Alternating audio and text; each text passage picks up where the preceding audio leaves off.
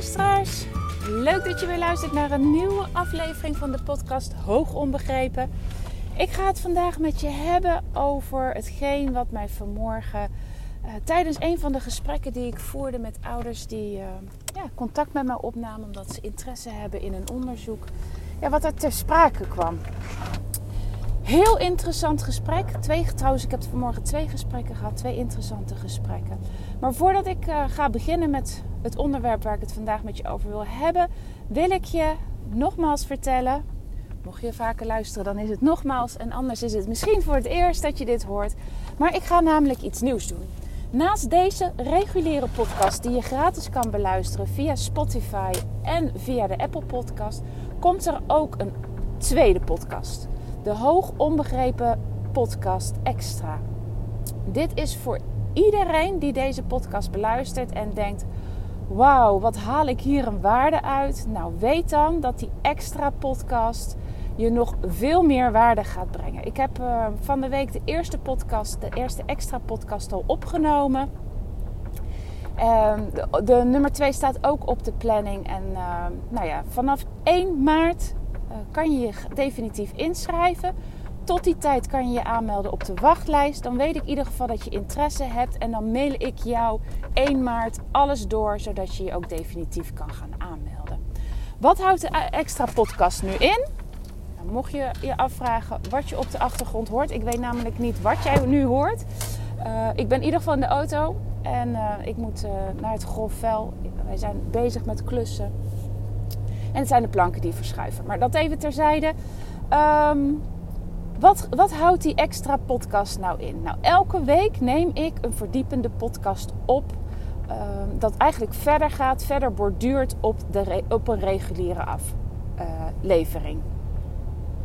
Naast die extra aflevering ga ik ook elke week een podcast opnemen waarin ik een vraag van een podcastluisteraar beantwoord. Dat zijn de vragen die jij als, um, ja, als lid van de extra podcast aan mij kan stellen en die ik dan ga beantwoorden in een podcast. Dus er komen wekelijks twee podcasts online.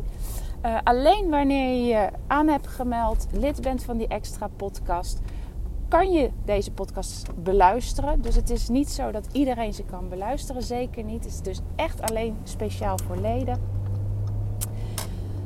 En mocht je ervoor kiezen om niet je drie, voor drie maanden aan te melden, maar gelijk voor een heel jaar, dan bied ik nog iets extra's aan.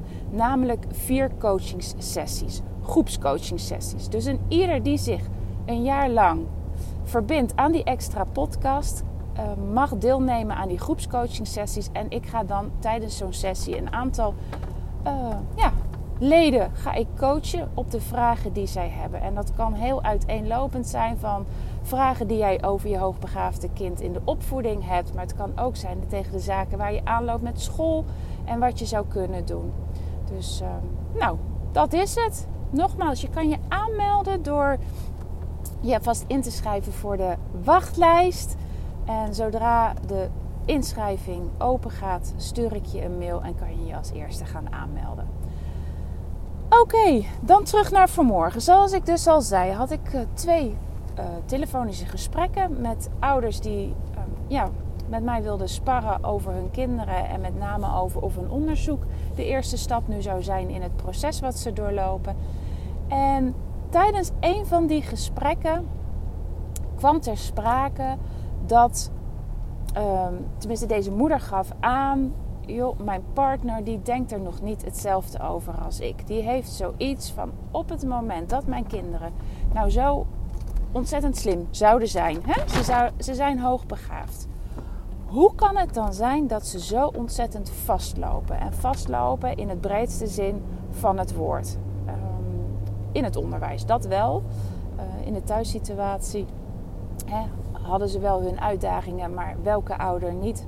Maar speelde er niet dusdanig veel. Maar het ging met name over de schoolse situatie. Hoe kan het zijn dat het ze niet lukt, niet gemotiveerd zijn, um, dingen niet willen, dingen niet kunnen, um, niet zich willen inzetten, geen moeite willen doen?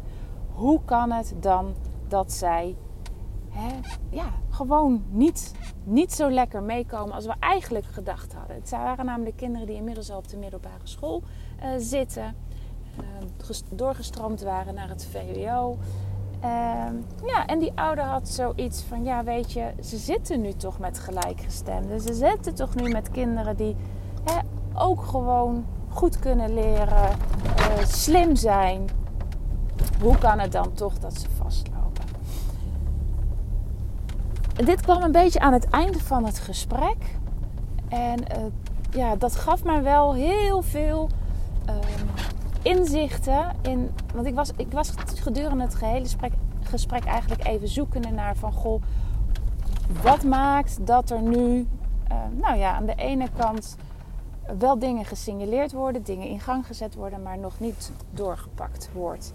Uh, nou, en dit was dus de kern. En ik kan me voorstellen dat dat als ouder zijnde die ziet en zich verdiept heeft in hoogbegaafdheid, dat het best een uitdaging is als je te maken hebt met een partner die ja, er niet hetzelfde in staat. Die, die daar anders naar kijkt en denkt van nou ja, alle acties die we gaan zetten, waarom eigenlijk? Het ligt gewoon met name aan het kind. Het probleem zit niet hè, op het vlak van dat we iets, moet, dat we iets anders moeten doen uh, qua school. Of dat de school iets anders moet doen. Het zit gewoon in het kind zelf. En nou ja, toen ik dit te horen kreeg, uh, kon ik daarin ook gelijk wel uh, met, met deze ouder doorpakken. Omdat ik dacht van oké, maar als hier in eerste instantie de grootste uitdaging zit, dan ga ik je nu gewoon handvaten geven hoe om te gaan met een partner die er totaal anders in staat, die ook anders daarover denkt. Want ik, ik ben van mening dat als je um, met elkaar op zoek bent voor je kinderen, of in ieder geval wil dat, je kind, dat het goed gaat met je kinderen, dan is het wel zaak om op dit stuk in eerste instantie enigszins op één lijn te komen. Enigszins te begrijpen waarom het belangrijk is om stappen te gaan zetten. Uh, weet je, als jij niet op, op, het, op dezelfde golflengte hierin zit en de andere dus niet nodig vindt om bepaalde stappen te gaan zetten, dan kan ik me voorstellen dat het heel lastig is als ouder dat jij op weerstand stuit. Want jij als ouder die er anders naar kijkt, die zich erin verdiept heeft, die, die weet dat een hoogbegaafd kind gewoon iets anders nodig heeft. En ja, je wil daar wel dat dat in goed overleg met, ja, met beide ouders, dat beide ouders op hetzelfde spoor zitten. Je hebt elkaar daarin toch nodig. En ik gaf deze moeder het volgende aan. En ik denk dat dat ook heel erg interessant is voor jou als jij, excuses voor het geluid, uh, als jij deze situatie herkent. Dit is namelijk iets wat ik vaker terughoor. En op het moment dat jij daar ook in zit, dat je partner er toch anders in staat, anders naar kijkt en eigenlijk niet met je mee wil bewegen met de stappen die je wil zetten, dan is dit misschien heel erg belangrijk uh, om het met elkaar over te hebben. Dit, wat ik, hetgeen wat ik nu ga vertellen, is trouwens ook heel interessant wanneer je niet op één lijn komt uh, met de leerkracht van je kind of met de school van je kind. Het geeft namelijk heel veel inzichten waarom het nou, nu toch echt noodzakelijk is om stappen te gaan nemen, om, om anders te gaan kijken en anders te gaan denken. Nou, wat heel veel ouders al niet weten, is dat een gemiddeld IQ, hè, we hebben het dus over het gros van de bevolking heeft een gemiddeld IQ, dat we het hebben over een IQ tussen de 90 en 110. Nou, gezegd zeggen we dus dan heel vaak: het gemiddelde IQ in Nederland is 100. Het gemiddelde IQ niet alleen in Nederland. Hè. Het gemiddelde IQ is gemiddeld en dat geldt voor alle landen. Dat wordt standaard op 100 gezet. Een hoogbegaafd kind zit minimaal op een IQ rondom de 130. Voor ons verhaal, voor, voor dit verhaal wat ik je nu ga vertellen, zet ik hem in ieder geval even op 130. Weet jij al hoe hoog het IQ van je kind is? Pak dat IQ dan even als uitgangspunt. Nou, ik neem het IQ van 130 als uitgangspunt. En dat betekent dus dat het verschil tussen een gemiddeld IQ van 100 en, en dat IQ van 130 30 IQ-punten is. Dat is dus het verschil tussen gemiddeld en hoogbegaafd. Minimaal.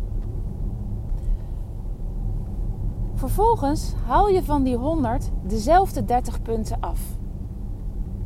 Dus je gaat van 100 naar 70. Dat is het, die stap van 100 naar 130 is even groot als de stap van 70 naar 100. Stel nou dat jij een klas hebt met kinderen die allemaal een IQ rondom die 70 hebben. Dan hebben we te maken met een klas vol kinderen die functioneren op laagbegaafd niveau. Dat zijn kinderen die net even wat meer uitleg nodig hebben, wat meer handvaten, langere instructie, meer ondersteuning, meer begeleiding. Niks mis mee, helemaal niks mis mee. Maar dit is waar zij over het algemeen behoefte aan hebben. En dat kunnen we zeggen op basis van hun IQ. Wat precies de behoeftes zijn, dat weet je natuurlijk nooit. Dat hebben we ook weer met kindkenmerken te maken. Dat geldt bij kinderen van 130 of hoger ook. Maar over algemeen is dit wat ze nodig hebben: meer ondersteuning, meer begeleiding, langere uitleg, vaker uh, uitleg en meer, veel meer herhaling.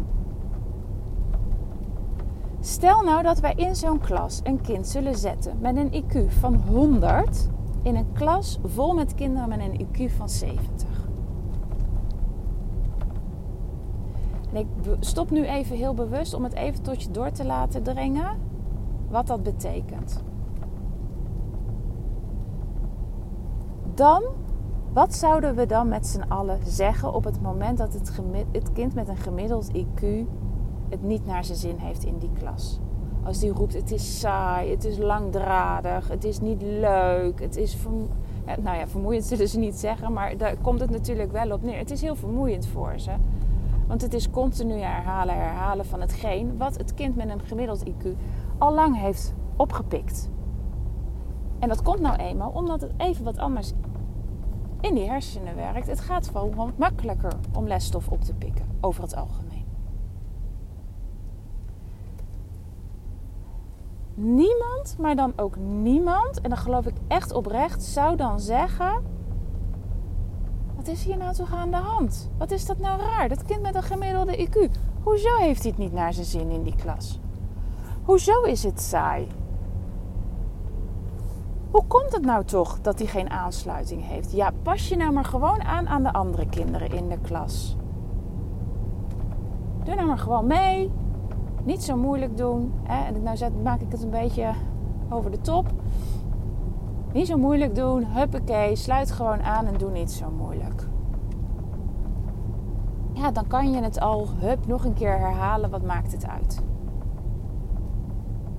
Ik geloof echt dat niemand dit tegen ouders van een gemiddeld kind zouden zeggen op het moment dat hij of zij in een klas met kinderen van een IQ rondom de 70 zitten. Maar dit is precies wel wat we doen bij kinderen met een IQ van 130 of hoger. Over het algemeen wordt er nog steeds gevonden dat deze kinderen met een IQ zo hoog, wat net zoveel punten verschilt, of misschien nog wel eens meer, tussen kinderen met 100 en 70, want het gat is net zo groot of misschien nog wel groter. En dan zeggen wij tegen deze kinderen: luister eens. Je blijft in deze klas, je past je maar aan. Ehm, wat, waarom vind je eigenlijk dingen saai? Uh, ja, misschien gaat het allemaal wel wat makkelijker. Uh, maar doe nou maar gewoon nog een keer mee en luister nou maar met de uitleg. En hoe kan het nou zijn dat je tijdens de uitleg afhaakt? Ja, daar moet toch echt wel een concentratieprobleem spelen. Niet dus. Het is gewoon te saai. Jongens, het is gewoon te saai. Het is niet uitdagend. Die hersenen hebben al lang de stof verwerkt. Ze haken juist af. Want het is niet boeiend genoeg. Dit is precies wat er met deze kinderen gebeuren, gebeurt.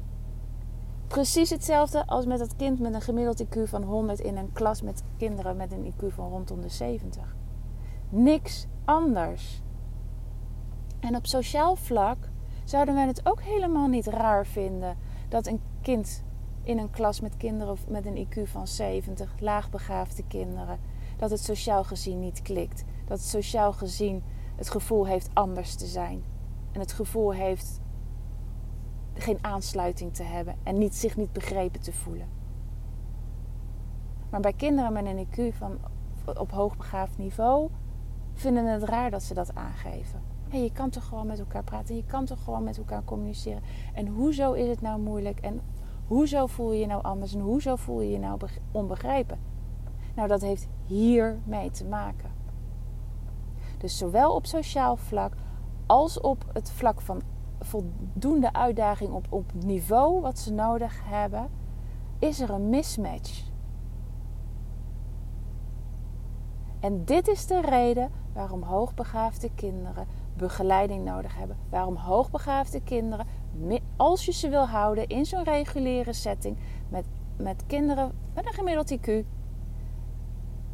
waar ze tegenaan gaan lopen en waar ze ondersteuning bij nodig hebben. En waarom er dus ook aanpassingen gedaan moeten worden. Dat is niet raar.